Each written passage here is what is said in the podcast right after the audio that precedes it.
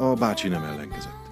Elbúcsúztak a törzsfőnöktől, megköszönték a szíves vendéglátást, és kimentek a cukornád mezőre Negro Cavalloért. Ott állt a kis fehér ló mellett, és így szólt.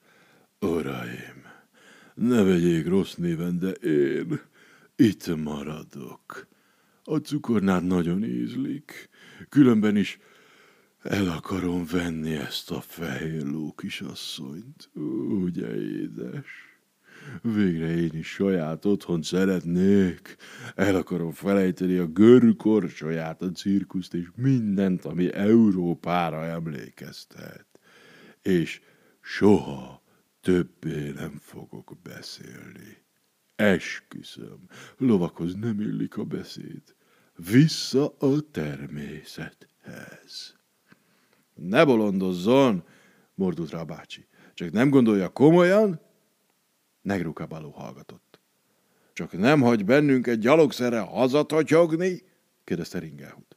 No, hát nyissa ki már a száját, maga korok négy lábú. Hisz éppen most fogadta meg, hogy többé nem beszél, szólalt meg Konrád. És a feleségül akarja venni a lók is, azt, hogy ne zavarjuk. A ló biccentett. De a bácsi még mindig dühöngött. Megőrülök, ordította. Miért kell ennek a lónak megnősülnie? Hisz én is aglegény vagyok. Kedves nagybátyám, neked itt vagyok én, az unokaöcséd, szólt közbe Konrád. Ezért nincs szükséged rá, hogy gyerekeid legyenek. Ide hallgasson, mondta a bácsi Negrukaballónak.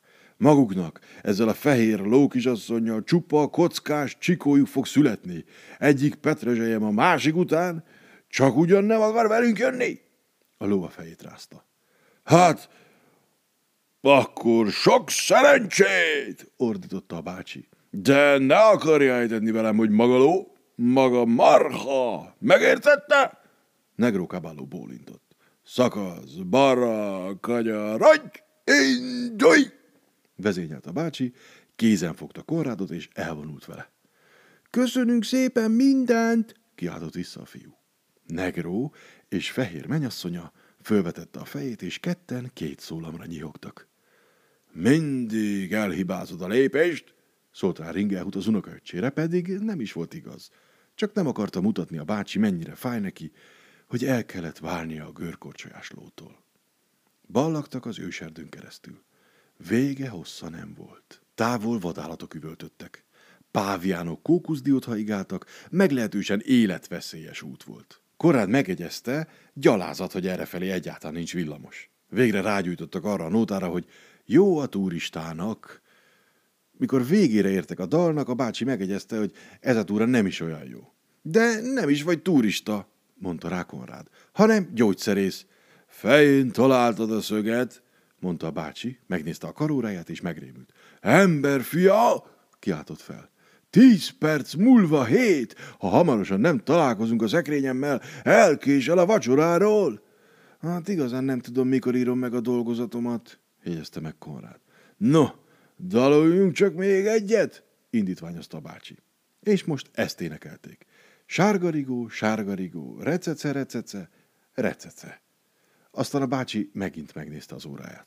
Ha most rögtön nem történik csoda, mondta, nyugodtan itt maradhatunk, és felajánlkozhatunk valamelyik szomszédos törzsnél vasárnapi pecsenyének. De hát miért ne történnék csoda? kérdezte valaki a hátuk mögött. Megfordultak, ott állt dökkesei, vagyis gyors posta, és mosolygott. Ön már egy ízben olyan kedves volt, hogy kihúzott bennünket a csávából, mondta a bácsi. Nem tudná ide varázsolni az én régi szekrényemet, kedves, keselyű posta úr? Dög keselyű, javította ki a törzsfőnök, aztán ezt mormolta. Budli bicska sült dalma, acethal is meghalma, ki nem tudja micsoda, attól telik a csoda. Aztán tapsolt, és már is ott volt a szekrény. Az őserdő közepén. Pálmák és kaktuszok között. Hálásan köszönjük, rikkantotta Konrád, de dökkesejűnek, akit gyors postának is neveznek, már akkor hűlt helye volt. Titokzatos ember, jegyezte meg a bácsi. De nagyon kedves, ez tagadhatatlan. Aztán betuszkolta a fiút a szekrény nyitott hátán, és maga is utána mászott. És mikor elő kiszálltak a szekrényből, Csak ugyanott voltak a bácsi előszobájában, a Johann Mayer utcában. Konrád felgyújtotta a villanyt, mert már sötétedett, és mert abban reménykedett, hogy a szekrény mellett sikerül még felfedeznie néhány centiméternyi valódi őserdőt. De csak falakat és tapétát látott. A bácsi levette ágyék kötényét, és a sétabottal együtt beakasztotta a régi szekrénybe, aztán megszólalt. No, te csirkefogó, most aztán iszkolj haza!